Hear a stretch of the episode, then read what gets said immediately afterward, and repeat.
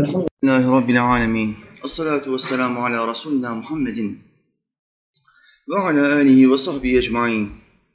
Allahümme inneke afuvun kerimun tuhibbul affa fa'fu anna. La ilahe illa ente. Allah'ım senden başka ilah yok. Subhaneke seni tenzih ederim. İnni kuntu minel zalimin. Muhakkak ki ben zalimlerden oldum. Rabbena atina. Rabbim bize ver. Fid dünya haseneten. Dünyada iyilikler ver. Ve fil ahireti haseneten. Ahirette de iyilikler ver. Ve qina azaben nar. Bizi ateşin azabından koru. Rabbena ufirli. Rabbim beni affet.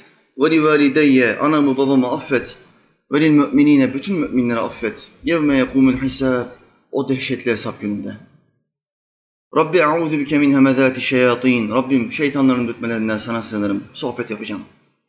Ve a'udhu bike rabbi en yahdurun. Ve yanımda hazır bulunmalarından da sana sığınırım Allah'ım. Rabbi şrahli. Rabbim göğsüme inşirah ver. Ve yessirli emri. işimi bana kolay kıl. Vehlul ugdeten min lisani. Lisanımdaki düğümü çöz Allah'ım. Yefkahu kavli. Ki insanlar kavlimi kolayca anlayabilsin. Amin ya mu'in bi hurmeti Taha ve Yasin. Yerleri ve gökleri aletsiz yaratan Allah'ımıza yaratıklarının nefesleri adedince hamdü senalar olsun. O Allah ki Adem'in Allah'ı, Nuh'un Allah'ı, Hud'un ve Salih'in Allah'ı, İbrahim'in, Lut'un, İsmail'in Allah'ı, İshak'ın, Yakub'un ve Yusuf'un Allah'ı, Eyyub'un Allah'ı, Şuayb'ın, Musa'nın ve Harun'un Allah'ı, Davud'un, Süleyman'ın, İlyas'ın ve Elyasa'nın Allah'ı, Yunus'un, Zekeriya'nın, Yahya'nın ve İsa'nın Allah'ı. Ve adı dört kitapta ölmüş olan Efendimiz Ahmet'in Allah'ı sallallahu aleyhi ve sellem. Allah'ın peygamberlerine selam olsun. Allah Teala Hazretleri bozulmaktan koruduğu kitabı Kur'an'da Hümeze suresinde bize şöyle buyuruyor. Kur'an kursuna giden talebeler hangi duadan ezberlemeye başlarlar? Kur'an'ın sonlarına doğru ve duhadan aşağısını 20-25 tane sure vardır. Daha azını bilenler Elem Tere'den aşağısını bilirler. Elem tera keyfe feale rabbuke. Elem tera keyfeden aşağı 10 sure vardır. Ve duhadan aşağı hatırlamıyorum 28 belki 25 tane sure vardır. Kur'an kurslarına gidenler ve duhadan ezbere başlarlar. Sonra hafızlık isteyenler Bakara suresinden başlarlar tekrar en baştan. Şimdi bu Hümeze suresi nerede? Ve duadan aşağıdaki o 28-30 surenin içinde Hümeze suresi. Bu akşam bunu şerh etmeye çalışacağız inşallah. Allah'ımız feyizli, bereketli bir gece olmasını nasip etsin. Amin. Zikrettiğim peygamberlerin, isimlerini zikrettiğim peygamberlerin ruhaniyetini Allah'ım bu meclise akın akın göndersin. Allah'ımız meleklerinin bize dua etmesi için akın akın meclisimize göndersin. Amin. Bizim için istiğfar etsinler. Çünkü onların duası bizim duamızdan daha keskindir. Mevla Teala Hazretleri buyurdu. وَيْلُ لِكُلِّ هُمَزَةٍ لُمَزَةٍ اَلَّذ۪ي جَمَعَ مَالًا وَعَدَّدَهُ Mevla buyurdu. Veylün yazıklar olsun. Yazık ona. Vah ona. Yuh ona. Veil. Geçti mi bir ayetin başında? Allah Teala tahkir ediyor. Ona yazıklar olsun diyor. Likulli onlara. Onlara yazıklar olsun. Hümezetin lümeze. Arkadan çekiştirip duranlara ve kaşla gözle işaret yapanlara yazıklar olsun. Allah Teala Hazretleri Hümeze suresinin hemen başında bu ayette alay edenlerden bahsediyor. Neyle alay edenler? Kaşla gözle alay eden, arkadan çekiştiren. İki grup sayıyor. Bir, önce arkadan çekiştiren humezetin, sonra lümeze, kaşla gözle işaret yapanlar. Neden bu ayeti kerime indi? İniş sebebi Efendimiz Aleyhisselam ne zaman müşriklere tebliğde bulunmaya başlasa, İslam'ı anlatmaya başlasa, müşriklerden bazıları Peygamberimizin arkasına geçiyor ve işaret yapıyor. Kaşla gözle işaret yapıyor. Ve önündeki adama, Efendimiz Aleyhisselam'ın o olayı anlattığı adama işaret yapıyor ve Peygamberimizi aşağılıyor. Bak diyor bu sana şimdi başladı. Bu sihirbaz başladı senden, sana uydurmalarını anlatmaya başladı. Haşa ve kella. Ama bunu aşağılayıcı bir tabirle yapıyor. Şimdi Peygamberimiz Aleyhisselam'ın olmadığı bir yerde ne yapıyorlar? Onu çekiştiriyorlar. Arkasından gıybet yapıyorlar. Ama o olduğu zaman ne yapıyorlar? Elle hareket yapıyorlar. Kaşla, gözle hareket yapıyorlar. Bu kötü ahlak müşrikleri vasıflandıran bir ahlaktır. Ama bu ayeti kerimeler şeriata muhalif olmadıkça Muhammed Aleyhisselam'ın yoluna, şeriata muhalif olmadıkça herhangi bir Müslümanı tekfir etmedikçe işaret alınması gereken ayetlerdir. Müfessirler hep böyle der. Müşriklerle alakalı, kafirlerle alakalı ayetlerin tamamı onlara aittir. Ancak bu ayetlerdeki ahlaki meselelerin tamamını Müslümanlar üzerine alabilir. İkazların ve ibretlerin tamamını Müslümanlar üzerine almak zorundadır. Müfessirler ayetleri tefsir ederken böyle söylerler. Şimdi burada bir ahlaksızlık var. Nedir o ahlaksızlık? Bir insanın arkasından konuşmak, bir, çekiştirmek, aşağılamak, bir, iki, o insanla aynı ortamdaysan başka bir adama onun hakkında kaş göz işareti yapmak. Günümüzde de birçok genç kardeşimiz, birçok esnaf kardeşimiz birisiyle alay etmek istediği zaman o adamın bakış açısının dışında bir adamla konuşurken şöyle yapıyor. Şimdi o adam başka birisine sesleniyor, o gelen kişi. Alay edeceği kişi diğer esnaf arkadaşına sesleniyor, onunla konuşuyor. Şimdi bu da bunun göremeyeceği görüş açısının dışına çıkıyor. Çaprazına ya da arkasına geçiyor ve işaret yapıyor. Bakın bu işarettir. Ne demek bu? Uyduruyor yine, sallıyor yine. İnanma, aldanma diyor. Müşriklerin yaptığı hareketten ne farkı var bunun? Müşrikler de Peygamberimiz Aleyhisselam'ı aşağılıyordu. Sen de şu anda bir Müslüman kardeşini arkasından kaş göz işareti yaparak aşağılıyorsun. Onunla alay ediyorsun. Alay etmek hayırlı amelleri götürür. Hucurat suresinin başında Allah Teala Hazretleri müminleri nasıl uyarıyor? O peygamberle konuşurken ey müminler, o peygamber alelade bir insan değildir. Onunla konuşurken seslerinizi yükseltmeyin. Siz hiç farkına varmadan amelleriniz siliniverir. Namaz kılıyorsun, zekat veriyorsun, hacca gidiyorsun. Ama Allah'ın en sevdiği kula karşı yani Muhammed Aleyhisselam'a karşı sesini çok yükselttiğin için farkında olmadan amellerin çöpe atılıveriyor. Bazı yaptığımız ahlaksızlıklar, edepsizlikler amellerimizi çöpe atar, çöpe götürür. İşte bu kaşla gözle işaret de bunlardan bir tanesidir. Herhangi bir Müslüman hakkında adam ne kadar ahlaki olarak zayıf olursa olsun kaşla gözle işaret Müslüman kardeşlerimiz yapamazlar. Özellikle esnafta ve genç kardeşlerimizde bunu çok görüyorum. İşaret yapıyorlar. Mesela resim çektiriyor. İki tane arkadaşıyla genç kardeş resim çektiriyor. Resim çektirirken elini o adamın arkasına kaldırıyor ve bir hayvan işareti yapıyor. Bu ne demektir? Alay ediyorsun. Tahkir ediyorsun, aşağılıyorsun. Ama İslam buna müsaade etmiyor. Allah onlara yazıklar olsun diyor. O alay edenlere, aşağılayanlara yazıklar olsun diyor. Efendimiz Aleyhisselam çok sıkıntı çekmiştir. Çok rahatsız edilmiştir. Suikastler atlatmıştır.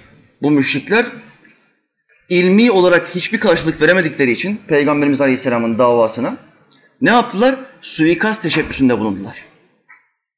Hicret etmeden önce Efendimiz Aleyhisselam'ın iki tane suikast teşebbüsü var müşriklerin. Sultanım Aleyhisselam namaz kılmaya gitti Kabe'ye. Kabe'de namaz kılarken Ebu Cehil ile Velid bin Mughire, kafirlerin kafaları, elebaşları. Dediler ki bunu öldürmemiz lazım. Kim yapacak? Kim yaparsa ona 50 tane deve. Ebu Cehil parayı verdi. Velid de zengin bir adam ama iddia kızıştığı için dedi ki ben yaparım. Ben Muhammed'i namaz kılarken öldürürüm. Sallallahu aleyhi ve sellem. Arkasından sinsice yaklaşmaya başladı. Efendimiz Aleyhisselam namazda. Peygamber ve sahabileri, Allah'ın selamı onların üstüne olsun. Amin. Namaz kılarken nasıl kılarlardı? Bizim namazımıza pek benzemiyor. Boyut değiştiriyorlar. O kadar huşu ve hudu içindeler ki, o kadar huzur içindeler ki boyut değiştiriyorlar. Kulakları, gözleri pek bir şey duymuyor, pek bir şey görmüyor. Efendimiz Aleyhisselam namaza başlıyor. Sübhaneke Fatiha Zammi Sure okuyor. Müşrik Velid Peygamberimiz Aleyhisselam'ın arkasından bir suikast girişiminde bulunacakken yaklaştıkça bir bakıyor Peygamberimiz yok oluyor. Görünmez oluyor. İşin garip tarafı okuduğu Kur'an ayetleri kulağına geliyor ama Efendimiz'i görmüyor. Birkaç adım ileriye geçiyor, ses arkadan geliyor. Birkaç adım geriye geliyor, ses önden geliyor. Kur'an okumaya devam ediyor Peygamberimiz ama görmüyor. Allah peygamberimizi görünmez bir adam haline dönüştürüyor. Kur'an'da Mevla Teala Hazretleri Efendimiz Aleyhisselam'a seni onlardan ben koruyacağım dedi mi? Bu kitapta Allah Teala Peygamberimiz Aleyhisselam'ın korumasını vaat etmiştir. Kimse seni öldüremeyecek. İnsanlardan kimse seni öldüremeyecek. Ben seni koruyacağım. Bu ayet gelinceye kadar Allah Allah Resulü Aleyhisselam devamlı evinin kapısında iki tane sahabi nöbet beklerdi. Herhangi bir müşrik yahut da Yahudi gelip peygamberimizi öldürmesin diye. Medine döneminden bahsediyorum. Devamlı her gece sabaha kadar iki tane sahabi nöbet bekliyor. Ne zamana kadar? Bu ayet geldi. Efendimiz Aleyhisselam kapıdan dışarı çıktı. Dedi ki artık evinize gidin. Allah bana vaat etti beni koruyacak. Kur'an'ın Allah kelamı olduğunun, peygamberimizin bir peygamber olduğunun en büyük delillerinden bir tanesi bu ayeti kerimedir. Korunacağını vaat ettiği ayet. Neden? Çünkü hangi lider kapısında iki ya da yirmi koruma olmasını istemez? Hangi lider öldürülemeyeceğini garanti edebilir? Her lider suikast atlatmıştır. Her lider. Dünya üzerindeki her lider suikast atlatmıştır. Muhakkak sevmeyenleri, düşmanları vardır. Şimdi bu liderlere gidin ve sorun. Koruman olmasını mı istersin, olmamasını mı istersin? Koruma adedi ne kadar fazlaysa o kadar güvenilir demektir. Bizim Peygamberimiz Aleyhisselam nasıl bir lider ki? Nasıl bir peygamber ki? Ateistlerin deyimiyle nasıl bir sahte peygamber ki? Ölmeyeceğini garanti edebiliyor. Tam Efendimiz Aleyhisselam'ın karşısındaki bir sahte peygamberden bahsedeyim. İlk peygamber kim? İlk sahte peygamber?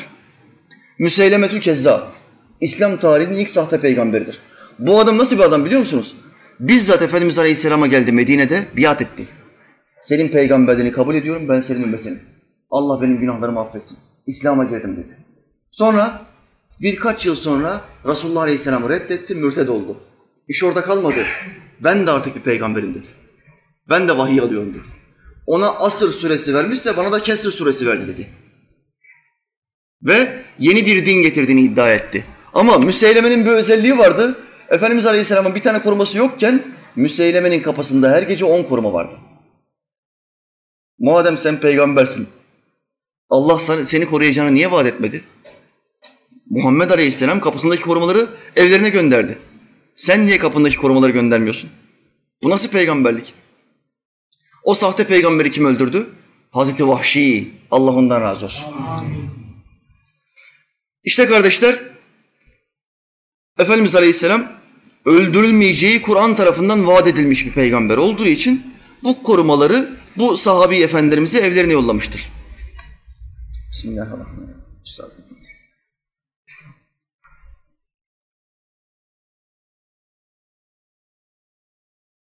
Yalnız burada olay Mekke'de geçiyor.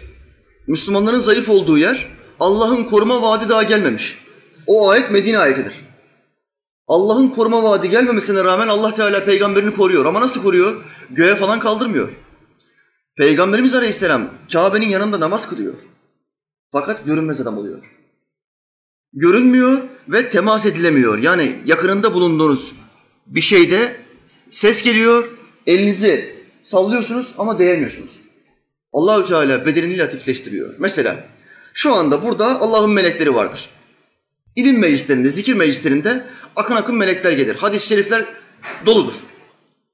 Ama elinizi salladığınızda hiçbir şeye değiyor mu? Değmiyor çünkü latiftir, nurdan yaratılmıştır. Nurdan yaratılmış bir şeye dokunmak demek, ışığa dokunmak demektir. Işığa dokunabilir misiniz? Evinizden bir el fenerini alın, güzel piller koyun ona ve ışığı açın. Sonra ışığa dokunmaya çalışın. Temas edebilir misiniz? Temas edemezsiniz. Melekler de bunun gibidir. Nurdan yaratılmışlardır.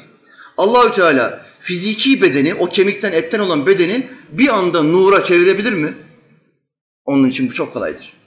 İşte Allah Ebu Cehil ve Velid'in bu tuzağını, bu suikast girişimini görünmez olarak yaparak Efendimiz Aleyhisselam'ı ortadan kaldırıyor.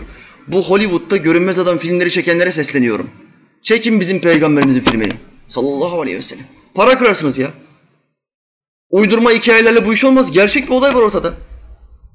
Gerçek bir olay. Başka bir suikast girişimi. Bu nasıl oldu?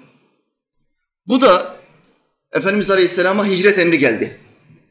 Şimdi Müslümanları birer birer yolladı Peygamberimiz. Medine'ye gidin, Habeşistan'a gidin. Müminlerin büyük çoğunluğu Medine'ye gitti.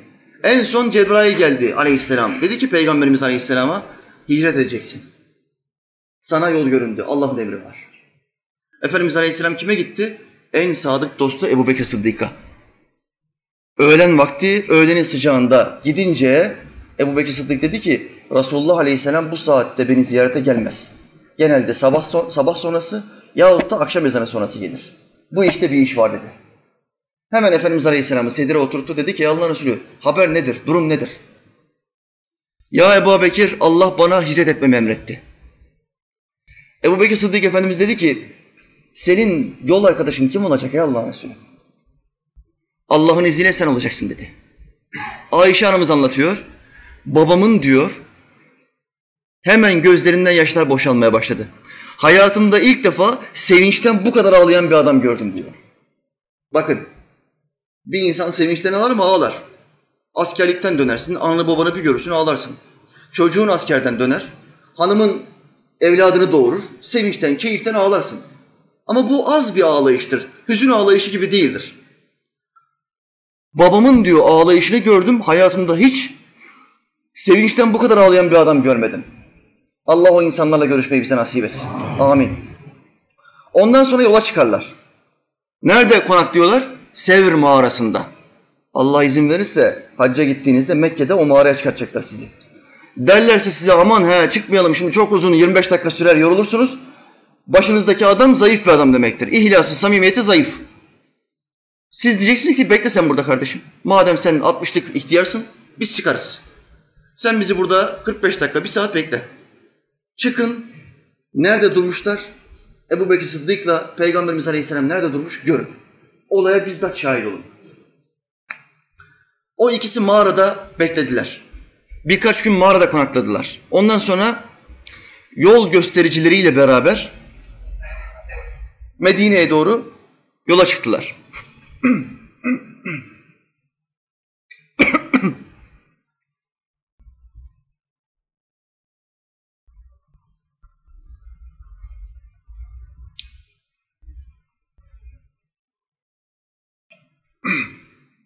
Bu olay olmadan önce Efendimiz Aleyhisselam'ın son gecesi bir şey oldu. Ne oldu? Hazreti Ali Efendimiz'e dedi ki benim yatağımda sen yat. Bu hicretten bir gün öncedir. Bir gece öncedir. Neden böyle dedi? Çünkü Cebrail Aleyhisselam geldi dedi ki sana bir suikast olacak. Mekkeliler kafaya koydular. Bütün kabileler birleşti. Sana suikast yapacaklar. Seni bu gece öldürmeye gelecekler. Neden kabileler birleşti? 150-200 kişilik bir grup, gençler grubu. Grubun içinde kim var? Ebu Cehil var. Velid bin Mughire var. Bir tane daha adam var. Kim? Peygamberimizin öz amcası Ebu Leheb. Yeğenini öldürmeye geliyor. Şu nasipsizliğe bak. Şu nasipsizliğe bak. Öyle bir perdelenmiş ki öz yeğenini öldürmeye geliyor. Kimlerle beraber? Eğer bir kabile öldürse yahut bir genç öldürse diğer kabile, Efendimiz Aleyhisselam'ın kabilesi o gencin kabilesine savaş açar. Araplarda durum böyledir. Dolayısıyla müşrikler ne yaptılar? Bütün kabileler birleşsin. Her kabile 20-30 tane cengaver genci versin. Bu bir kalabalığın tahakkümü olsun. Kalabalık olarak öldürelim. O zaman kimse kimseye savaş açamaz dediler. Plan bu idi. Sabaha yakın bir zamanda Efendimiz Aleyhisselam'ın kapısının önünde 150 tane adam bekliyor. Neden içeriye dalmıyorlar? Çünkü Arapların adetinde eve baskın yapmak aşağılık bir şey. Kıyamete kadar konuşulur. Bundan dolayı baskın yapmıyorlar. Plan ne? Tam sabah namazına çıkacağı zaman, Kabe'ye gideceği zaman üstüne çullanacağız. Yüz tane bıçak darbesi vurduk mu kim vurduya gider.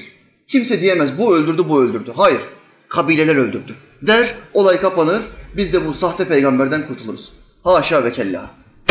Plan bu. Tabi onların planı bu ama Allah'ın da planı var. Ne buyuruyor Allah Teala Hazretleri ayeti kerimede? Onlar hani bir zaman seni öldürmek için planlar kurdular, tuzaklar kurdular. Ama biz de tuzağımızı kurmuştuk. Allah tuzak kuranların en hayırlısıdır. Bizim tuzağımız onların tuzağına galip gelmiştir. Şimdi bunlar tuzağı kurdu mu? 150 kişinin gözünün önünden kaçabilir misin? Ev belli, arka kapı yok, tek kapı var. Ne olacak şimdi? Efendimiz Aleyhisselam buyurdu ki ya Ali şu benim yeşil cübbemi giy, yatağıma yat, üstüne örtüyü ört. Sana hiçbir şey olmayacak. Şu bana verilen Mekkelilerin verdiği emanetler. Efendimiz Aleyhisselam Muhammedül Emin olduğu için bütün Mekkeliler ziynet eşyalarını, önemli emanetleri ve paraları kime veriyorlardı? Bak peygamberine inanmıyorlar. Ama bütün emanetleri peygamberimize veriyorlar. Neden? Yalan söylemez, paramızı gasp etmez. Kesin. Ama peygamber, peygamber olduğunu söylüyor, o ona inanma, inanmam. E hayatında hiç yalan söylememiş, tamam doğru ama bu konuda yalancı. Burada bir çelişki yok mu kardeşler? Her sözüne inanıyorsun ama ben peygamberim, işte bunlar Allah'ın bana verdiği ayetlerdir, işte bunlar mucizelerimdir diyor, sen sihirbazsın diyorsun. Burada bir çelişki var. Burada nefsine tapınan insanların çelişkisi var. Neden? Muhammed sallallahu aleyhi ve sellem bizim hayatımıza müdahale etmesin. Bunu istemiyorlar. Şimdi Efendimiz Aleyhisselam bu olaya vakıf olduğu için Cebrail Aleyhisselam vesilesiyle dışarıya çıkarken yerden bir avuç toprak alıyor ve müşriklerin üstüne doğru toprağı atıyor. Attıktan sonra Allah Teala tıpkı bir önceki anlattığım meselede olduğu gibi Efendimiz Aleyhisselam'ı görünmez, görünmez bir adam kılına sokuyor. 150-200 tane katilin yanından elini kolunu sallaya sallaya namaza gidiyor ve kimse görmüyor. Hiç kimse görmüyor. Kardeşler bu olması mümkün bir şey mi? Olması mümkün bir şey. Günümüzden bir örnek vereyim, teknolojiden örnek vereyim. Şu anda görünmez uçaklar yapıldı. Uçak var ama görünmüyor. Bu insan yapısıdır. Görünmeyen uçaklar, böyle küçük uçaklar var ya, küçük uçak, büyük uçak gibi değil. Onlardan yapıldı şu anda, teknolojik olarak. İngilizler yapmış, Amerikalılar yapmış. Bunların özelliğine görünmüyor. Kendisini kamufle edebiliyor. Ne ile? Bulutla, gökyüzüyle kamufle edebiliyor. Yukarıya bakıyorsun, uçak yok. Ama oradan sana doğru gelen füzeyi görebiliyorsun. İnsan görünmez bir alet yapabiliyor ama Allah bir insanı görünmez kılamıyor dediğin zaman senin aklına şaşılır. Senin aklına şaşılır. Efendimiz Aleyhisselam aralarından geçiyor. İşte Allah Teala Hazretleri Yasin suresinde nasıl anlatıyor bu meseleyi? Biz onların önlerinde bir set çektik. Arkalarına bir set çektik. Üzerlerini bir perdeyle örttük. Gerçeği göremezler. Onlar kim? O kalabalık grup, suikastçiler grubu. Allah bu olayı Yasin suresinde bu ayetlerle anlatıyor. Ve perde çektiği anda hiç kimsenin hiçbir şey göremeyeceğini beyan etmiş oluyor. Neye benzer bu? Şu anda burada melekler var. Allahu alem şu anda belki burada cinler var. Allahu alem şu anda belki burada peygamberlerin ruhaniyeti var. Bunu bilmiyoruz. Ama biz göremiyoruz. Efendimiz Aleyhisselam'ı ziyarete gidiyoruz. Ruha sınır yok ama biz göremiyoruz. Neden göremiyoruz? Çünkü Allah bir perde koymuştur. Cinlerle bizim aramıza perde koymuştur. Bakıyoruz ve cinleri göremiyoruz. Bu perdeden dolayı. Bu perde öldüğümüz zaman kaldırılacak. Alemi misalde, alemi manada biz bunu görebileceğiz. Ama şu anda Allah Teala böyle bir perde vermiştir. Dolayısıyla Allah peygamberini insanların gözüne bir perde koyarak bu şekilde korumuş oluyor. İki tane suikastten böylece koruyor. Sonra Efendimiz Aleyhisselam Medine'ye gidiyor ve orada kuvvetlenmeye başlıyor. İslam yayılıyor ve yayılıyor. Şu halde Allah isterse, Allah isterse Müslümanların tamamını korur. Yeter ki istesin. Allah isterse eğer biz bu kitabı layıkıyla yaşarsak, eğer biz bu kitabın met ettiği, övdüğü ve tabi olmamızı farz kıldığı peygambere gerçekten uyarsak, samimi olursak Allah bizi kurşun geçirmez yapar. Siz gördünüz mü internette kurşun geçirmez asker? Daha yeni vakıya bu. İki haftalık mesele. Teröristlere çarpışırken alnına kurşun girmiş. Komutan geliyor, penseyle alnındaki kurşunu alıyor. Kurşun bir adamın alnına girdiği zaman ne olur? Paramparça eder arka taraftan. Kocaman bir delik açar. Ama Allah olma derse olmaz. Allah ölme derse ölmez. Şu halde sen samimi bir gönülle, kuvvetli bir imanla Allah'a teslim olursan senin yardımcın Allah'tır kardeşim. İslamiyet bir ağaç gibidir. İmam Rabbani Hazretleri İslamiyet'i bir ağaca benzetmiştir. Bu ağacın kökü imandır. Kök sağlam olduğu zaman gövde ve meyveler çok güzel olur, sağlam olur. Ama kök çürük olduğu zaman, iman çürük ve zayıf olduğu zaman ne gövde biter, ne gövde genişler ve uzar, ne de dallardan meyve gelir. Köküne dikkat edeceksin. İmanın doğru bir iman mı dikkat edeceksin. Akiden ehli sünnet ve vel cemaat değilse gövden gelişmez, meyve de veremezsin. İşte Mutezile, işte Cebriye, işte Şia, işte Vehhabi Selefi. Ne kadar sapık fırka varsa sayın. Meyve veremezsin. İslam'ı geliştiremezsin. Tam aksine kan dökersin. Fitneler ortaya çıkartırsın. Bozgunculuk yaparsın. Dolayısıyla İslamiyet ağacı kökle başlar. Kökümüze dikkat edeceğiz. Ve devamlı kökümüzü Kur'an'la, sünnetle, zikirle, namazla besleyeceğiz. Bu ibadetler olmadığı zaman o iman kökünü besleyemezsin kardeşim. Bir ağaca su vermediğin zaman ne olur? Çürür, kurur. Su nedir? İbadettir. Müslümanın suyu ibadettir. Peki hocam ağaç dedin, kök dedin, gövde dedin, meyve dedin. Bu İslamiyet ağacının gövdesi nedir? Gövdesi ibadettir. İbadet olmazsa yükselme olmaz. Gelişme olmaz, meyveye giden yol kurur. Benim imanım var, ibadetim olmazsa olur mu? Olmaz. Benim bedenim var, yemek yemesem olur mu? Olur mu? Bedenim var, insansın, yemek yemek zorundasın. Yemek yemeden bedeni muhafaza edemeyeceğin gibi ibadet olmadan da imanı muhafaza edemezsin. O bir zırhtır, o bir korumadır. İslamiyet ağacının meyvesi nedir? Kök iman, gövde ibadet, meyve de ihlastır. Bütün mesele ihlasa ermektir. Ben bir ibadet yapıyorum. Bu ibadeti ne için yapmam lazım? Bir, etrafımdaki insanlar beni övsün, methetsin, güven duysun, saygı duysun, hürmet göstersin. İki, Allah beni sevsin. İşte buna ihlas deniyor. İhlas. İhlastaki boyut arttığı zaman ne oluyor? İhsan hali ortaya çıkıyor.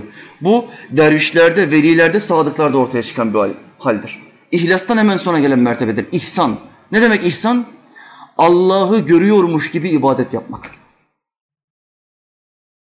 Resulullah Aleyhisselam Cebrail Aleyhisselam'a bunu nasıl anlatıyor? Allah'ı görmüyor olabilirsin ama Allah seni görüyor. İşte mümin bütün işleri de ihlasla yaptığı zaman ihsana vakıf olur. O zaman insanlar bana şöyle mi demiş, beni eleştirmişler mi? Ya bu kadar genç yaşta namaza başlanır mı kardeşim? Sen ne ayaksın? 17 yaşına geldin sohbetlere gidiyorsun ya. Kafan karışmaz. Şüphe duymazsın. Bu işin 17'si 40'ı mı var, 30'u mu var? Buluğ çağına erdiğin zaman bu işe başlaman gerekiyor. Rahmetli dedem 45 yaşında 5 vakit namaza başladı. 40 yaşında hacca gidiyor. 45'te bir daha gidiyor, 5 vakit namaza başlıyor. Rahmetli babacığım 30 yaşında 5 vakit namaza başladı. Bu derviş 16 yaşında başladı elhamdülillah. Oğlumsa buluğ çağına erir ermez başladı. 14 yaşında başladı. Allah'a hamdolsun. Allah ayaklarımızı kayırmasın. Amin. Ama bakın dikkat edin. Yukarıdan aşağı doğru bir tekamül söz konusu. Gittikçe Arnavutların iman kalitesi artıyor. Şimdi bulunduğum beldedeki Arnavut ihtiyarlara baktığım zaman 40'tan 50'den sonra namaza başlıyorlar. İhtiyarlarda böyle bir düşünce var. Oruç konusunda çok sağlamlar ama namaz konusunda hep tehir ediciler. 50'ye gelince bir tövbe yapar, bir hacca gider başlarız. Hep böyle görüyorum. Ama çocuklarını görüyorum. 20'de başlıyorlar, 25'te başlıyorlar, 30'da başlıyorlar. Tekamül söz konusu, gelişiyorlar, kuvvetleniyorlar. Allahu alem onların çocukları sohbete başlarsa, onların çocukları ilim öğrenirse Allah'ın izniyle 14 yaşında, 15 yaşında başlarlar. Şu anda bizim çocuğumuz sahibi tertiptir. Ne demek sahibi tertip? Kaza namazı olmayana fıkıhta sahibi tertip denir. Bir tane kaza namazı yok. Bu Müslüman için çok önemli bir şeydir. Bunu kaybetmemesi gerekiyor. Bütün Müslüman kardeşlerim, namaza başladık elhamdülillah. Ama kaza borçları var. Bu kaza, kaza borçlarını bitirmedikçe bize sahibi tertip denmez. Mesela aramızdan kaza borcu olanlar bir namazı kaçırsa, diyelim ki ikindi namazı kazaya kaldı, akşam ezanı okundu. Bu adam nasıl kılacak kaza namazını? Önce akşam ezanını kılar, akşam namazını kılar, sonra ikindinin kazasını kılar. Çünkü bu adamın zaten bir sürü kazası var. Ama sahibi tertip olsa ne yapmak zorunda? Sahibi tertip akşam ezanı okunur okunmaz önce ikindiyi kılar. Ondan sonra akşam namazını kılar. Çünkü bu adamın bir günlük kaza namazı borcu yok. İşte buna kaliteli Müslüman denir. Bizim hedefimiz, amacımız ne olmalı? Borçları kapatmak olmalı. Sen dürüst bir esnafsan, etrafındaki ticaret yaptığın kumaşçıya, fermuarcıya, koloncuya borçlarını kapatman gerekiyor. O zaman sana kaliteli bir esnaf denir, kaliteli bir adam denir.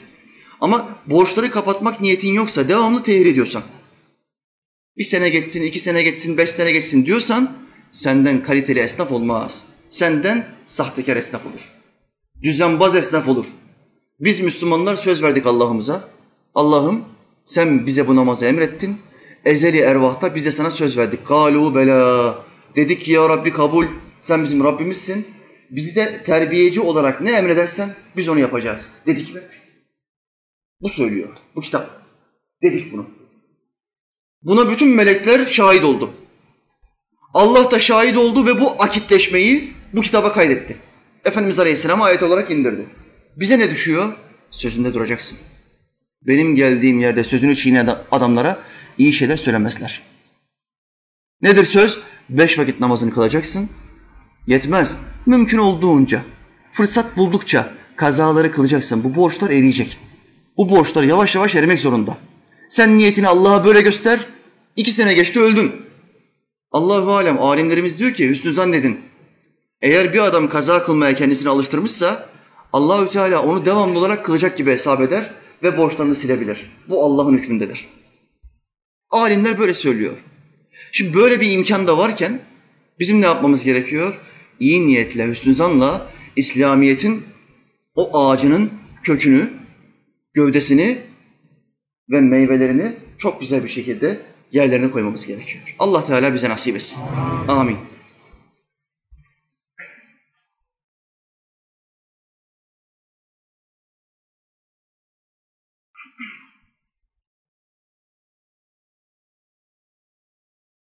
Şimdi sure devam ediyor. وَيْلٌ لِكُلِّ هُمَزَةٍ لُمَزَةٍ اَلَّذ۪ي جَمَعَ مَالًا وَعَدَّدَهُ Mal toplayana yazıklar olsun ve onu sayana, devamlı sayana yazıklar olsun. Şimdi mal toplamak kötü bir şey mi? Hayır kötü bir şey değil. İslamiyet'te bir adamın zengin olması, zengin olmayı istemesi kötü bir şey değil. Ama Allah Teala burada mal toplayanlara yazıklar olsun ve onu devamlı sayanlara yazıklar olsun diyor. Ne demek istiyor Allah Teala? Allahü Teala Hazretleri Kur'an'ın muhtelif yerlerinde dünyayı istemenin ve ahireti istemenin güzel olduğunu beyan ediyor. Dolayısıyla bu ayeti kerimede anlatılan mal toplamayı istemek genel bir ifade değil. Kimi anlatıyor burada? Müşrikleri anlatıyor. Müşrikler Resulullah Aleyhisselam'a karşı gelirken nasıl karşı geliyorlardı? Bu nasıl peygamber? Hep zayıflar, fakirler bunun etrafında ya. Bir tane zengin yok. Her peygambere önce köleler, sonra fakirler ve zayıflar tabi olmuştur. Zenginler ve kuvvetliler en son. Kibir, mal sevdası, sayma sevdası onları engellemiştir. Bütün peygamberlere fakirler ve zayıflar tabi olmuşlardır. Efendimiz Aleyhisselam da bu konuda aşağılıyorlardı. Ve Peygamberimiz Aleyhisselam'la görüşürken ne diyorlardı devamlı? Senin neyin var ki? Bizim malımız var, bizim paramız var. Ve devamlı bunu sayıyorlardı. Sayarak kibirleniyorlardı. Bir adam malını saydığı zaman nefsi bundan keyif alır. Dur bakayım şu kasada ne kadar para var ya. Sayayım. Her hafta kasasındaki parayı sayan esnaflar biliyorum. Her hafta. Biz ticaretle uğraşıyoruz. Parayı çok seven esnaf arkadaşlarımız var. Her ay malını sayan adamlar bilirim. Dur bakayım artmış mı eksilmiş mi ya bu mal doğurmaz ki kardeşim. Doğurmaz bu. Sen niye sayıyorsun devamlı ya? Senede bir defa sayımını yap tamam. Ancak bu işten zevk alıyor. Nefis bu sayma olayından zevk alıyor. Bunu biraz daha yakınlaştıracağım Allah'ın izniyle. Mevlana Celaleddin Rumi rahimehullah ondan bir hikaye anlatayım. Mevlana diyor ki Mesnevi'de bir adam vardı. Bu adam ticaretle uğraşırdı. Allah ona mal verdi, mülk verdi. Birini yüz yaptı. Ve devamlı mal olarak, para olarak gelişti. Bir zaman sonra parası artık kasasına sığmamaya başladı. Yatağının altına koydu, sığmadı. Artık çuvalların içinde altınlar birikmeye başladı. Bu adam çok korktu. Ve o çuvalların içindeki altınları aldı, mezarlığa götürdü. Mezarlığın yanında bir mezarlık, bir çukur açtı ve çuvallarını oraya koydu. Sonra çukuru örttü, evine gitti. Ertesi gün geldi, mezara açtı. Sabah sabah herkes uyuyorken karanlık esnasında çuvalların içindeki altınları birer birer saymaya başladı. Her sabah mezarlığa gidiyor, mezara açıyor, çuvalların içindeki altınları birer birer sayıyor. Ondan sonra tekrar işine dönüyor. Bunu her gün alışkanlık haline getiriyor. Neden sayıyor bu adam? Acaba eksilmiş mi, acaba artmış mı? Yahu mezarın içindeki altın eksilir mi, artar mı? Bu ne şaşkınlık. Adam bundan zevk alıyor. Mala karşı, paraya karşı öyle bir tutulmuş ki kalbine hastalık bulaşmış. Ne hastalığı? Dünya sevgisi, para sevgisi, mal sevgisi. Bu büyük bir hastalıktır. Bir gün, üç gün, beş gün, üç ay, beş ay hırsızın bir tanesi şaşırdı. Adamı takip etti. Bu adamın işleri çok iyi gidiyor ya. Dur bakayım. Şu adam evinde kaça gider, kaçta yatar, kaçta kalkar, sabah nereye gider? Bir takip edeyim bakayım dedi. Hırsızların özelliği nedir? Bir yere girmek isterse, bir adamı soymak isterse önce o adamı takip eder. Nerelere girer, ne yapar, kaçta eve girer, kaçta evden çıkar. Dükkana kaçta girer, kaçta kapatır. Namaza gider mi, gitmez mi? Hırsız önce bir takibatta bulunur, keşif yapar. Bu hırsız da bu adamı takip etti. Ve bir baktı ki sabah kapkaranlık esnasında mezarlığa gidiyor. Orada birkaç saat eğleniyor, bir şeyler sayıyor ve tekrar işine gidiyor, işine gidiyor. Dur ben biraz daha bir pusu kurayım mezarlığın yanında. Bu adam ne sayıyor bir bakayım dedi. Bir baktı ki çil çil altınları sayıyor. Adam gitti. İşine sayımını yaptıktan sonra hırsız çuvalları aldı, kendi çuvallarına doldurdu. O çuvalların içine de ne yaptı? Çakıl taşlarını doldurdu. Halbuki altınları alıp gidebilirdi. Ama hırsızın niyeti şu. Bu adama bir ders vermem lazım. Bu ahmak adama bir ders vermem lazım dedi. O çuvalların içini neyle doldurdu? Çakıl taşıyla doldurdu. Tekrardan kabre koydu, üstünü gömdü. Adam sabahleyin büyük bir keyifle altınları üstüne ekleyeceği parayı hesap ediyordu. Şu kadar altın ekleyeceğim. Acaba ne olmuştur? Matematik belli. Yüz altın ekleyeceksin, artı yüz yapacaksın. Matematik belli. Ama saymaktan zevk alıyor kardeşler. Bak o paraları sayarken dikkat edin ha. Şurayı kontrol edin. 200, 400, 600, 800. Burası zevk alıyor mu almıyor mu? Burası haz alıyorsa, zevk alıyorsa tehlike var. Müslüman kardeşim, parayı saymaktan zevk alıyor musun? Tehlike var. Adam sabahleyin gitti. Mezarı bir açtı, çuvalları bir çıkarttı. Baktı normalden daha ağır. Acaba doğurmuş mu paralarım dedi. Şaşkın. Bir döktü çuvalları, bir baktı çakıl taşı. Aman Allah'ım dedi, ne oluyor? Hırsız da mezarlığın dışında bir yerde gizlendi ki bu adam acaba ne yapacak? Acaba ne yap? Çok merak ediyorum ya. Bu adama bu kabusu yaşattıktan sonra acaba ne yapacak? Diye mezarlığın dışında bir yerde samanlıkta gizlendi. Adam çakıl taşlarını görünce bir feryat etti ki bütün şehir halkı adamın feryadını işitti. İki feryat, üç feryat ağlamaya inlemeye başladı. Hırsız oradan geçti. Adamın yanından yürümeye başladı. Aa ne oluyor ya? Dedi. Sahtekar. Sanki olaydan hiç farkı yok. Olaydan haber, haberdar değil gibi. Ne oluyor abi ne, ne var ya?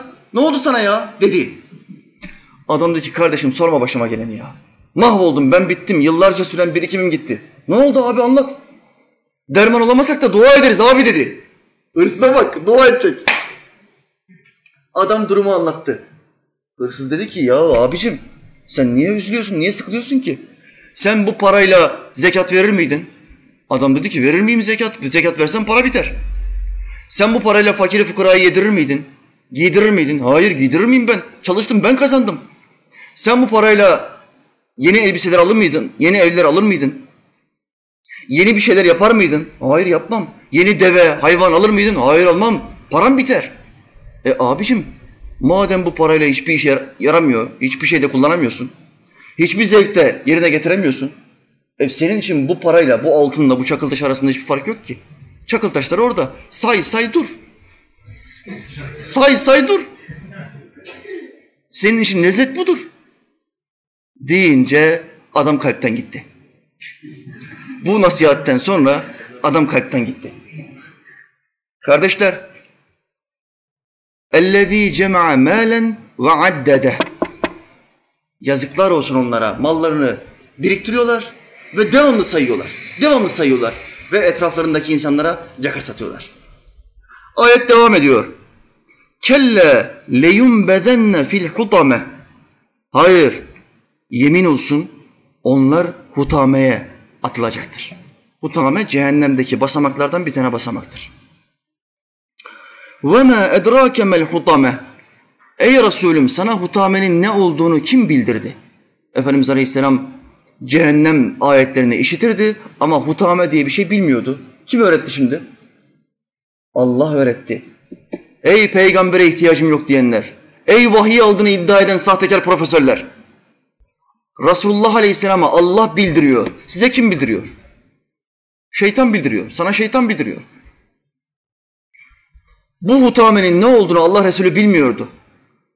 Tıpkı cennetin içindeki nimetlerin ne olduğunu bilmemesi gibi. Şimdi Allah Kur'an'da huri diyor, Resulullah Aleyhisselam diyor ki cennette bir hizmetçi, erkek Müslümanların evleneceği eşler. Bilgi. Ama miraca kadar huriyi görmemiş. Allah Teala Hazretleri Miraç gecesinde hurileri gösteriyor, cehennemi gösteriyor. Kim öğretiyor? Allah öğretiyor. وَمَا اَدْرَاكَ مَا الْحُطَمَةِ نَارُ اللّٰهِ الْمُوقَدَةِ اَلَّتِي تَطَّلِعُ عَلَى الْاَفِدَةِ O Allah'ın yüreklere işleyen, tutuşturulmuş bir ateşidir. Bu hutame öyle bir ateş ki yüreklere işler, kalplerin içine işler. Buradaki yürekten mana bildiğimiz et parçası değildir. Hayır. Fuat diye efade, fuat, gönül, gönül, kalp, hissiyatımız, duygularımız öyle bir ateş ki bütün duygularımız bu ateşi hissedecek. Allah bize göstermesin. Amin. Amin. Kafirler, müşrikler, fasıklar bu ateşi hissedecekler. İnneha aleyhim mu'sadeh fi amedin mumeddede. Sure böyle bitiyor. Şüphesiz uzatılmış direkler arasında bağlı oldukları halde ateş onların üzerine kapatılacaktır. Uzatılmış direkler arasında Allah burada ne demek istiyor? Biraz tefsirlere baktığınız zaman Mevla Teala Hazretleri cehennemdeki adamları bazı direklere bağlayacak. Ellerini bağlayacak, bedenlerini bağlayacak. Allah zaten ateşteki adamları niye bağlıyor? Azaplarını, sıkıntılarını artırsın diye. Hocam her taraf ateş zaten. Neden? Kardeşler, herhangi birinizin eli yandığı zaman bir çay aldığınızda, çayı içerken çayın bir kısmı elinize döküldüğü zaman ilk ne yapıyorsunuz? İlk yaptığınız şey hemen bardağı bırakıyorsunuz, yapıyorsunuz değil mi? Yahut da çayın suyu. Hanıma dedin ki hanım çay koy, hanım dedi ki yok ben şimdi koyamam işim var, ütü yapıyorum. Sen de gittin tamam be ben koyarım kendi çayımı dedin. Öfkeyle kalkan zararlı oturur. Çayın su tarafını koyarken ne yaptın? Biraz fazla döktün. Su sıçradı eline. İlk ne yapıyorsun? Üflüyorsun ve elini sallıyorsun. Harekete geçiyorsun. Allah bu harekete geçmeyi ateş içinde engellemek için ne yapıyor? Azabı arttırmak için insanları bağlıyor. Eller bağlı, ayaklar bağlı, bedenler uzatılmış direklere bağlı. Neden? Azabı arttırmak için. Allah bütün insanlığı tehdit ediyor. Benim azabım çok şiddetlidir, çok çetindir. Azabımdan sakının. Kur'an'da çok ayet sakının der, sakının. Korkun, benden korkun. Şu halde bu sure bize bunları ikaz ediyor. Bizim ne yapmamız gerekiyor? Dünyaya çok fazla kapılmamak. Dünya için çalışmak, aile için çalışmak, ümmet için, vatan için, bayrak için çalışmak ama ahiretle arasındaki dengeyi kurmak. Müslüman ne demektir? Müslüman dünya için çalışan, ahiret için çalışan ve İslam için çalışan adam demektir. Dengede yaşayan adam demektir. Bizim bu olmamız gerekiyor kardeşler. Allah bizi muzaffer kılsın. Amin. Amin.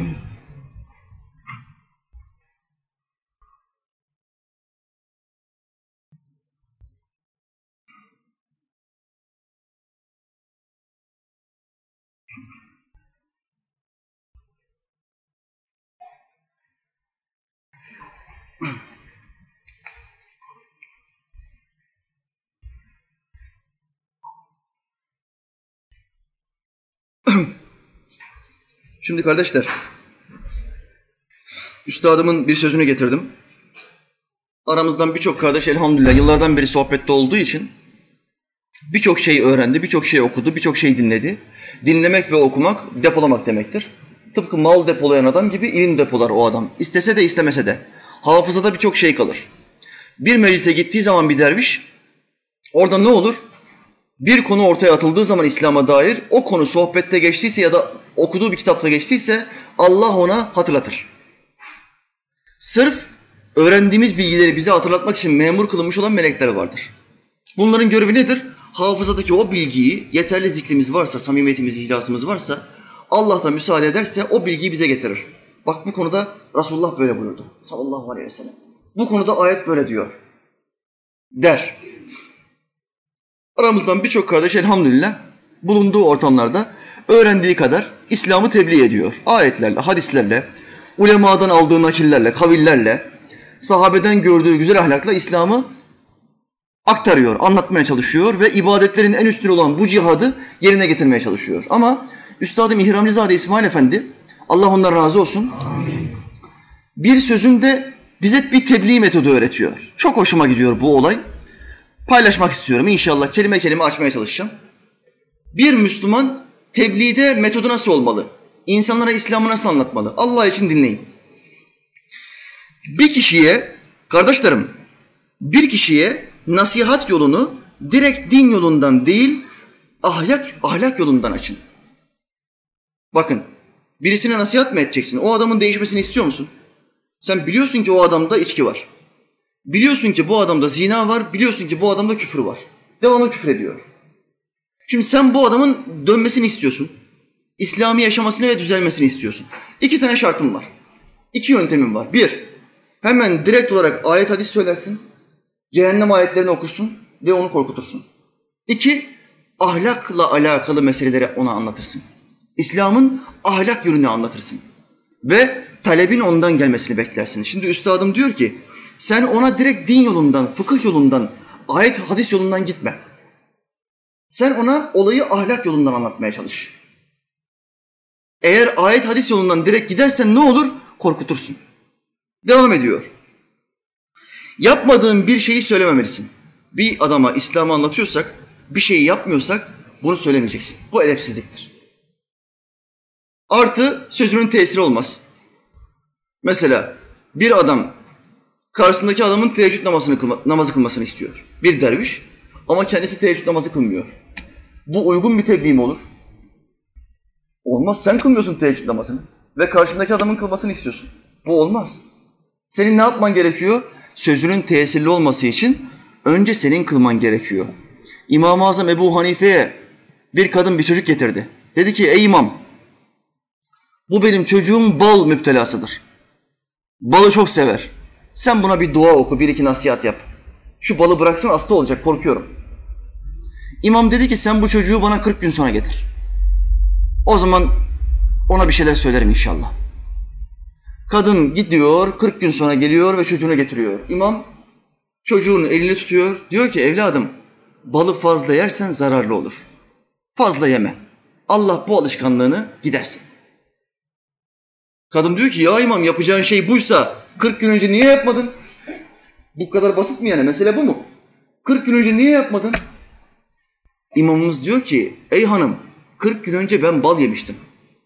Ama ben sözümün tesirli olması için 40 gün boyunca bal yemedim. İslam'ı mı öğretmek istiyorsun? O işi önce senin yapman lazım. Yaptığın zaman karşıdaki adam senden tesir alır. Eğer yaşamıyorsan tesir yoktur. Üstadım bunu ikaz ediyor. Eğer sendeki halleri fark edip o kişi sana yönelirse o zaman da Allah'ın dininden onun yapabileceği miktarı anlatmalısın. Şimdi sen ona ahlak yönünden gittin mi? Yumuşaklık, güzellik, sadelik. Bunu böyle yaparsak daha iyi olur. Resulullah bizden daha çok memnun olur. Allah bizi böyle daha çok sever. Bu ahlak yönüdür İslam'ın. Anlattın mı? Şimdi o adam da bu anlattıklarından sonra tesir hal olur. Tesir. Bu tesiri sen veremezsin. Allah verir. Bu tesiri kalbine girdikten sonra karşı taraf sana yönelir. Ve bazı sorular sormaya başlar İslam'a dair. Bu soruları sorduğu zaman sen ona cevapları verirsin. O zaman fıkıh, siyer, hadis, akaid, tasavvuf anlat. Çünkü soru oradan geldi. O şu anda senden talep ediyor. İlim öğrenmek istiyor Ve sana sorular sormaya başlıyor. Tamam bunun kalbi açıldı. Artık bu adama İslam'ı tebliğ edebilirim. Ama üstadım burada ikaz ediyor. Diyor ki alabileceği kadarını anlatman lazım. Anlayabileceği kadarını aktarman lazım. Devam ediyor. Eğer gücünü iyi tartmayıp fazla bir şey istersen bu sefer onu kaybettiğin gibi sen de bir kar elde etmemiş olursun. Şimdi adam beş vakit namaz kılmıyor. Sen ona diyorsun ki beş vakit namazını kılacaksın. Peşinden her gün üç günlük kaza namazı kılacaksın. Sen 30 yaşında namaza başladın. Senin 16 sene borcun var kardeş. Diyorsun. Yük üstüne yük bindiriyorsun. Sonra adam tamam be diyor. Bir hafta gazla gidiyor. iki hafta o ilk hidayetin gazıyla gidiyor. Üçüncü hafta bir vakit bile namaz kılmıyor. Kârda mısın, zararda mısın? Zarardasın. Bu adam sadece beş vakit namaza istikrarlı olsaydı sen vesile olduğun için kıldığı bütün namazların sevabının bir misli sana yazacaktı. Ama sen bunu aşırı yük yüklediğin için kaybettin. Eğer böyle yaparsan sen de bir kar elde etmemiş olursun. Kar ne burada? Kar onun yaptığı her ibadetten bir misli kazanma karı. İnsanlara İslam'ı anlattığımız için para beklemiyoruz ki. İnsanlara zikri öğretirsen, namazı öğretirsen, küfretmemeyi öğretirsen yaptığı her iyi işten bir misli sen de kazanırsın kardeşim. Hayra vesile olan hayrı işleyen gibidir hadis-i şerifi bunu anlatır. Fakat sen nasihat yolundan ayrılma. Nasihat edeni Allah çok sever. İnsanlar her zaman uyarılma ihtiyacı içindedir. Ne olursa olsun karşı taraf üzülse de, sıkılsa da, kırılsa da sen bu nasihat kapısından ayrılma. Çünkü insanlara baktığın zaman insanların çoğunluğu nasihat edenleri çok sever. İslam'ı tebliğ ediyorsa, insanlara faydalı oluyorsa, sert bakan, ters bakan insan bile olsa seni severler. Kalpleri sana ısınır. Bu sevgiyi onların kalbine Allah verir kardeşim diyor. Allah Teala bu ihtiyacı seninle giderirse çok şükretmelisin. Kardeşler etrafınızdan bir tane insana vesile olursanız, bir tane adamın namaza başlamasına vesile olursanız Allah'a şükredin. Çünkü siz o anda bir peygamber mesleğini icra ettiniz. Bir adamın sohbete alışmasına, bağımlı olmasına, daim olmasına vesile olursanız Allah sizi vesile kıldı. Bu nimeti size Allah verdi. Şükredin. Çünkü o adam ne öğreniyorsa ve ne yaşıyorsa, o sohbetten aldığı bilgiyle ne yaşıyorsa bunun bir misli size yazar. Tam aksine zorlaştırıcı şekilde anlatırsanız, cehennem ayetlerinden girerseniz, ateş hadislerini anlatırsanız bu adamları korkutmuş olursunuz. Geçen hafta başımdan bir olay geçti. Arabada oturuyorum. Çarşıda malları bırakmışız. Yukarıda park yerinde bekliyorum. Bana telefon açacaklar ki ben de gideceğim. Kardeşlerimi alacağım atölyeye döneceğiz. Baktım bir tane adam geldi arabanın yanına. Abi dedi parfüm lazım mı? Müdürüm parfüm lazım mı dedi. Böyle biliyorsunuz böyle yolda gezen turistlerin etrafında gezen adamlar vardır. Ellerinde parfümler falan vardır. Turistleri devamlı taciz ederler. Bu adam da bizi gördü orada arabada oturduğumuzu.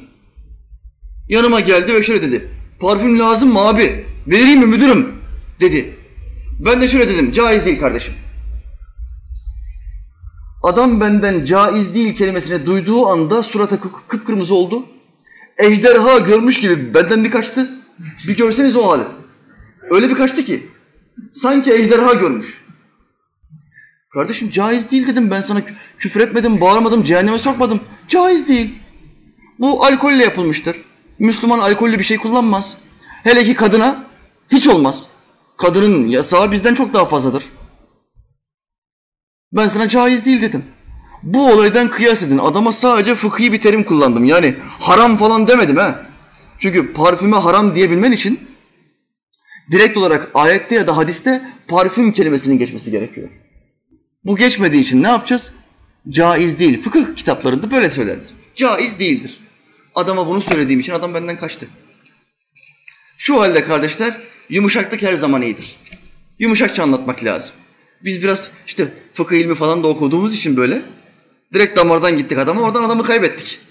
Belki adama yumuşak bir giriş yapsaydım orada kardeşim üstü adamın bir sözü var anlatabilir miyim deseydim. Öyle bir giriş yapsaydım adam beni orada beş dakika dinlerdi. Belki orada yumuşak bir anlatışla parfüm satışından vazgeçirebilirdim. Ama adamı kaçırdık. Ejderha görmüşe döndü adam. Kaçtı.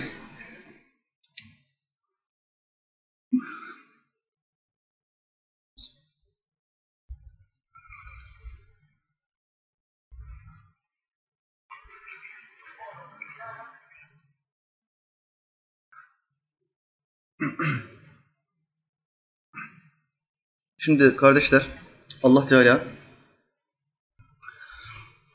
insan bedeninde alemi halkta beş latife yaratmıştır.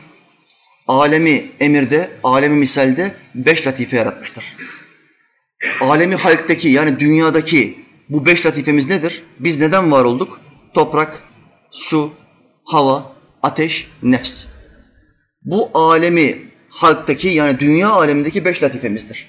Gördüğünüz her şey bu beş latifeden yaratılmıştır. Ne kadar canlı gördüyseniz. Kuş, yılan, kurbağa, insan. Bu beş latifesi mevcuttur.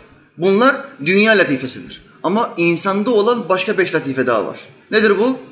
Kalp, ruh, sır, hafi, ahfa. Bunlar da alemi emirden, alemi misalden beş latifedir.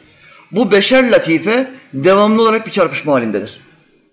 Dünyayı çok seven, nefsine çok düşkün olan, toprağa, suya, havaya ve ateşe meyilli olan insan bunları kuvvetlendirir. Dünya sevgisi artar. Şehvete düşkünlüğü artar, mala düşkünlüğü artar. Ancak diğer latifeleri çalıştıran kullarsa ahirete düşkünlüğü artar. Bedeniyle burada olur, kalbi ve ruhuyla ahirette olur. Dervişler tasavvuf yoluna girdiği zaman onlara ne zikri verilir? Allah lafzı verilir. Ve onlardan ne beklenilir? Beş tane latifeni çalıştır. Ki diğer beş latifeye üstün gelsin. Eğer nuru çalıştırırsan, o Allah'ın içimizde yarattığı güzel latifeleri kuvvetli bir şekilde çalıştırırsan, işlersen paslanmış demirlerin ışıldamaya başlar. O zaman ne olur? İbadette haz olur, Resulullah'a yakınlık hasıl olur, rüyaların değişir, muhabbetin aşkın artar, kalbinden diline hikmet pınarları akar. Üç kelimeyi yan yana getiremeyen adamlar sohbetler vermeye başlar. Binlerce insan onları izlemeye başlar. Nereden gelir bu? Bu tesir nereden gelir? Latifelerin çalışmasından gelir. Ancak bu beşer latife devamlı olarak bir savaş halindedir. Kıyamete kadar bu savaş devam edecektir. Bizim kıyametimiz ne zaman? Öldüğümüz zamana kadar. Öldüğümüzde bizim kıyametimiz kopacak. Bu ana kadar bu beş kuvvet birbiriyle savaş halinde. Şimdi biz akıl olarak bu ikisinin ortasındayız. Ve birini galip kılmak için mücadele edeceğiz.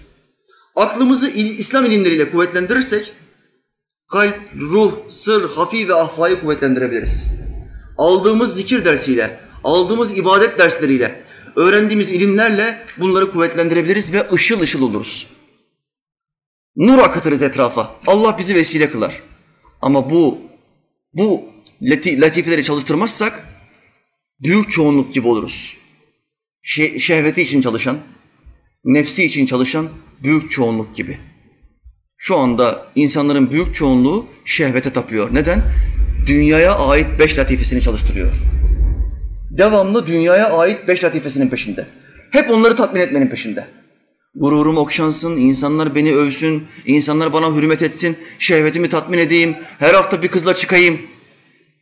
Dünyaya ait bir adam bu. Diğer latifeler körelmiş, çürümüş, kapkaranlık. Aylar boyunca rüya görmeyen bir adam düşünün. Müslüman rüya görmez mi ya? Rüya görmeyen bir Müslüman ben tahayyül edemiyorum. Kalbi o kadar fazla kirlenmiş ki rüya görmüyor. Neden? Latifeleri çalıştırmıyor. Çalıştırmıyor. Şehvete düşkünlük şu anda Müslümanların en büyük tehlikesidir. Şehvete düşkünlük. Mevlana Celaleddin Mesnevi'de anlatıyor. Adamın bir tanesi bir beye geldi. Şöyle dedi. Beyim bana bir at veresin. İşim var bir yere gideceğim. Bey ona dedi ki git şu atı al. Adam dedi ki ben o atı almak istemem. Bey dedi ki niye? Çünkü bu at çok inatçıdır. Geri geri gider. O kadar inatçı ki yüzüstü gitmiyor, devamlı geri geri gidiyor. Bey ona şöyle der. O zaman sen bu ata tersten bin, kuyruğunu önüne al, kuyruğunu çektiğin yere o gider. Diyor. Bu hikayeden ne mana vermek istiyor bize Mevlana'mız? Şehvet erkek ya da kadın her kulda var mı? Var. Bunu köreltemiyoruz mu? Köreltemiyoruz. O zaman ne yapacağız? Terse götüreceğiz. Bu şehveti dünyaya değil, ahirete götüreceğiz. Şehvetlenecek misin? Şehvetlen. Ahirete şehvetlen. Daha güzel köşkler sahibi olmak için daha çok ibadet yap. Daha güzel nimetler ve akarsular sahibi olmak için, daha çok eş ve hanım sahibi olmak için daha çok insanın hidayetine vesile ol. Ahiret için çalış. Şehvetini ahirete sevk et. Şimdi bahçıvanlara dikkat ettiyseniz o ağaçlarla uğraşan bahçıvanlar ağacın bazı dallarını kesiyorlar. Gövde büyümeye başladığı anda gövdenin yanında çıkan ufak ufak dalları kesiyorlar. Niye kesiyorlar? Gövde yukarıya doğru büyüsün diye. Gövdenin ucundaki dallar daha bir kuvvetli olsun diye yanlardaki ufak dalları kesiveriyorlar. Eğer sen bu şehvet dalını kesersen Allahü Teala sana çok farklı dallar verir. Çok farklı ilimler verir, çok farklı kuvvetler verir. Ama kesemezsen nefsinin istediği istikamete gidersin. Bunu bir misalle yakınlaştırayım.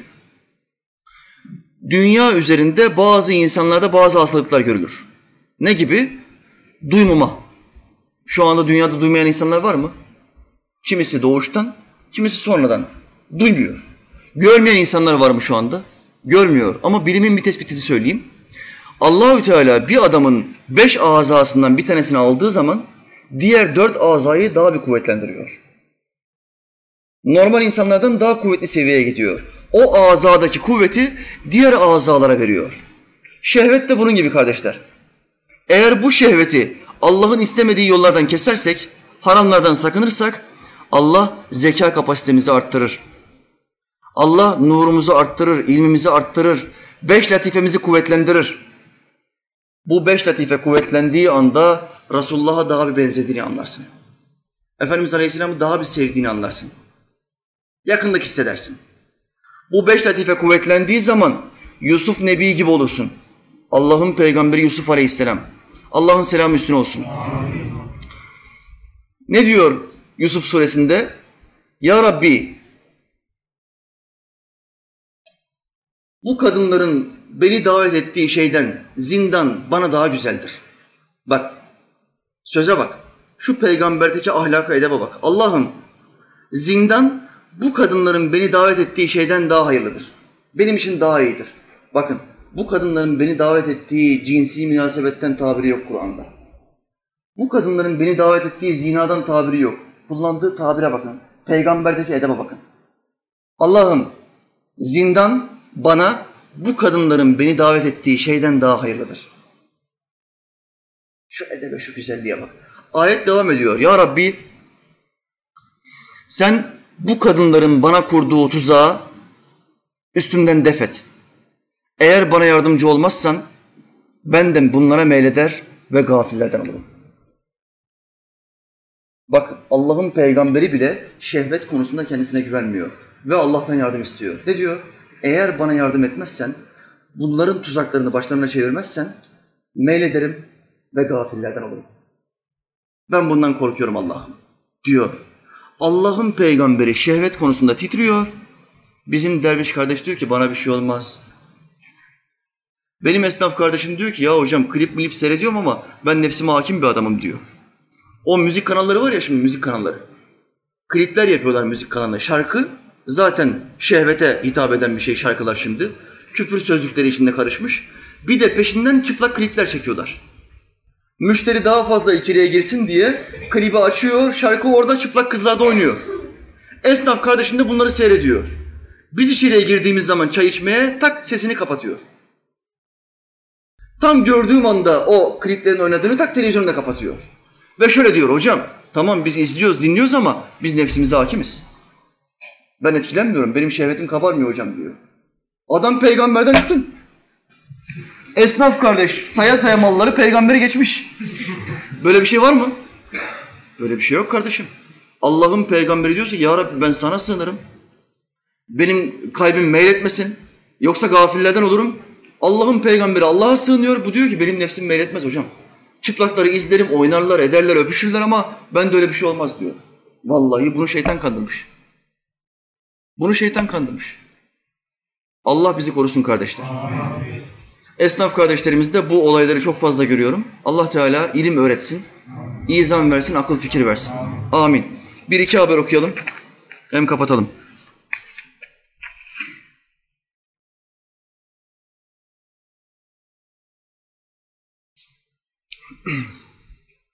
Grönland'da eşcinsel evliliğe izin çıktı. Dünyanın bazı yerlerinde böyle sözüm ona çok gelişmiş yerlerinde eşcinsel evlilik var şu anda. Bunlardan birisi neresi? Grönland. Danimarka'ya bağlı özerk bölge olan Grönland'da eşcinsellerin kilisede evlenmesine izin verildi. İki tane kadın anlaşırsa kiliseye gidiyorlar. Hristiyan bunlar. Doğru bir dine tabi olduklarını iddia ediyorlar. Ama eşcinsel olarak bizzat kilisede onlara göre kutsal bir yerde nikah kıyıyorlar. Ve bu geçerli oluyor ülke çapında.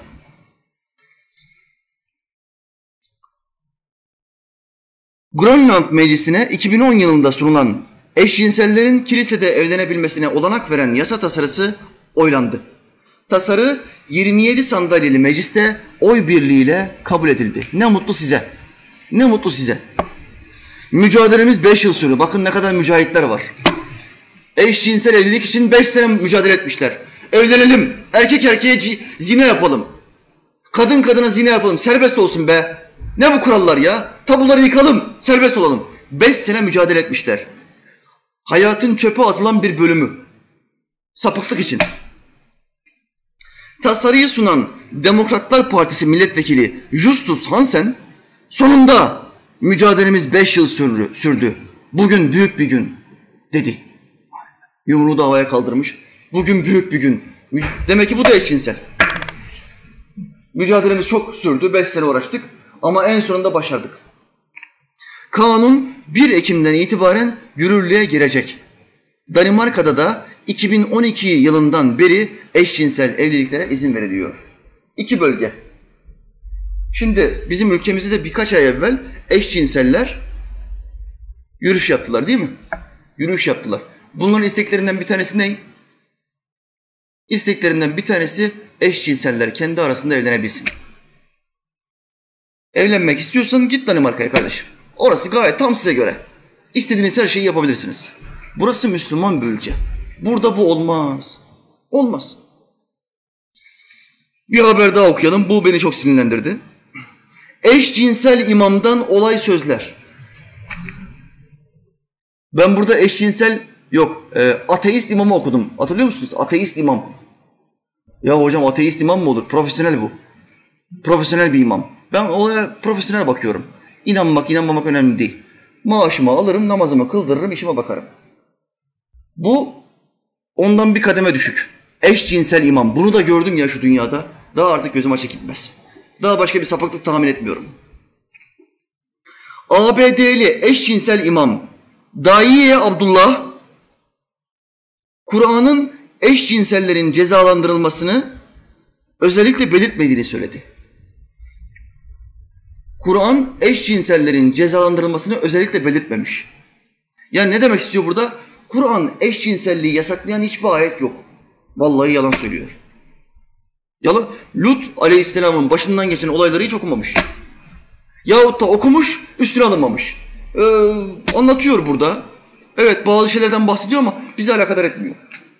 Bizden değil bu. Bizi bizden bahsetmiyor Allah. O zamanla alakalı tarihselci. Ülkemizde bazı sapık ilahiyatçılar var. Nedir bunlar? Tarihselciler. Ayetlerin büyük çoğunluğu peygamber zamanını anlatıyor. Bu zaman için geçerli değil. Dolayısıyla Yahudi de kardeşimizdir, Müslümandır. Hristiyan da Müslümandır. Hep beraber kol kola el ele tıpkı eşcinseller biri cennete. Eş, eşcinseller gibi cennete diyorlar. Bunlar tarihselciler. Ayık olun. Bol miktarda mutezile içerir. Bu sapıklar. Şimdi bu İmam Abdullah diyor ki Kur'an'da hiçbir ayet yok. Abdullah'ın açıklaması çoğunluğu Müslüman ülkelerdeki onur yürüyüşlerinde alınan sert tedbirlerden sonra geldi. Bu eşcinseller yürü, yürüdükten sonra bu bir bakmış binlerce insan eşcinsel yürüyüş yapıyorlar falan. Aa ben de eşcinselim benim de artık bunu açıklamam gerekiyor. Demiş oradan bir kalabalıktan cesaret almış ve eşcinsel olduğunu açıklamış.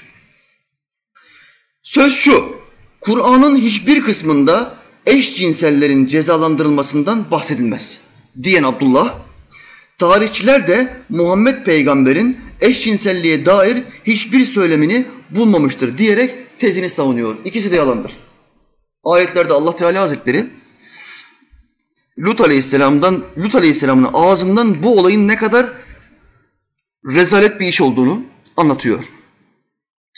Lut Aleyhisselam kavmine diyor ki siz kadınları bırakıp erkeklere gidiyorsunuz öyle mi? Allah'a yemin olsun siz sizden önce hiç kimsenin yapmadığı aşağılık bir şey yapıyorsunuz.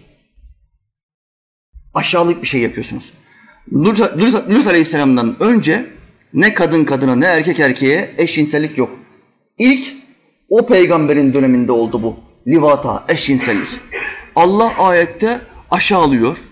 Allah'ın peygamberi ayette bu çok tahkir edici, çok kötü bir şey diyor. Bu imam üstüne alınmıyor. Yok öyle bir şey diyor. Kur'an'da yasaklayan hiçbir şey yok diyor. Resulullah Aleyhisselam'a dönelim. Konuda, o konu hakkında birçok hadis-i şerif var. Aklıma gelen bir iki tanesini söyleyeyim. Efendimiz Aleyhisselam buyurdu. Bir erkek üç defa livata yaparsa bir daha o işi bırakamaz. Livata erkek erkeğe ilişki demektir. Erkek kötü bir erkekle yakınlaştı.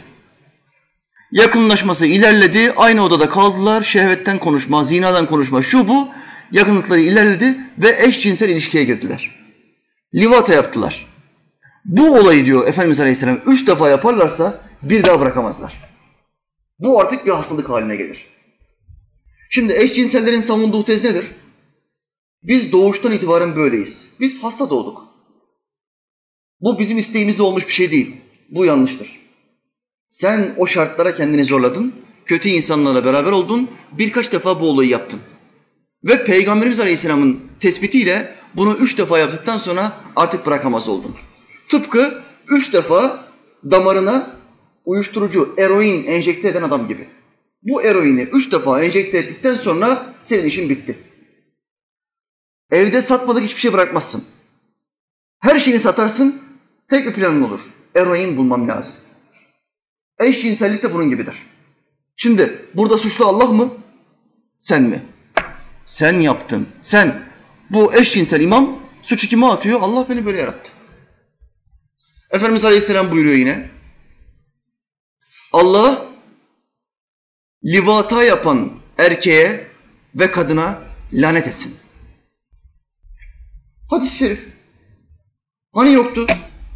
Ama bunlar görmek istemediği için, yaşamlarına müdahale ettiği için ayet ve hadislerden bazıları müdahale ediyorsa bu ayetleri kaldıralım, bu hadisleri kaldıralım. O zamanla alakalı. Diyorlar, işten sıyrılmaya çalışıyorlar. Kaos GL'nin Breitbart sitesinden aktardığı habere göre diğer imamların ve Müslümanların tanışmayı reddettiği Abdullah hiçbir imam ve hiçbir Müslüman bununla tanışmak istemiyor. Herkes kaçıyor. Bak ben bizim Diyanet'e sesleniyorum. Bu tarz ateist imammış, yok eşcinsel imammış. Bizim Arnavutların camisine vermeyin. Sakın her tarafa verebilirsiniz. Bizim Arnavutlar bu işlere anormal ters bakarlar. İmam kalmaz ortada. Haberiniz olsun. Ben uyarıyorum.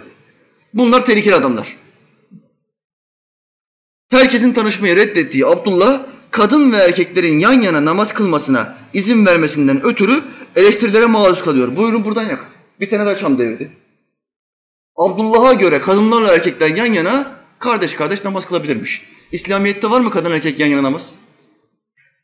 Muhakkak aralarında setre olacak, bir perde yahut bir tahta olacak, bir bölme olacak. Yahut da bölme yoksa Resulullah Aleyhisselam'ın sistemi olacak. Erkekler, çocuklar, kadınlar en arkada. Efendimiz Aleyhisselam'ın mescidinin usulü budur. Ama bu Abdullah ne yapıyor? Kadınlar da aynıdır, Müslüman kardeşiz biz ya. Yan yana diyor. Kadınlarla erkekler yan yana, yan yana namaz kılıyor. Fıkıhta ne oluyor? Fıkıhta erkeğin yanında, sağında ya da solunda ya da önünde bir kadın varsa erkeğin namazı kabul olmuyor. Şimdi bu Abdullah'ın mescidine giden kaç tane erkek varsa boşuna gidiyorlar. Haberleri yok. Aynı zamanda İmam Abdullah kadınların namazı yönetmesine de izin veriyor. Buyurun bir tane daha çam gitti. Bir tane daha. Kadınların namazı yönetmesi ne demek? Kadınlar da imamlık yapabilir demek. Peki İslam'da kadınlar imamlık yapabilir mi? Tahrimen mekruhtur. Kadının imamlığı yoktur. Nafile namaz kılıyorken bile kadınlar bir tane kadın öne geçip imamlık yapamaz. Ayrı ayrı kılacaklar. Hüküm budur. Abdullah buradan da girmiş. Mezhepsiz reformist bir adam. Eşcinselliğe ne uygun ehli sünnet vel cemaat uymaz. Ne yapacağız biz? Reformist olalım. İslam'ın bir kısmını alalım, bir kısmını reddedelim.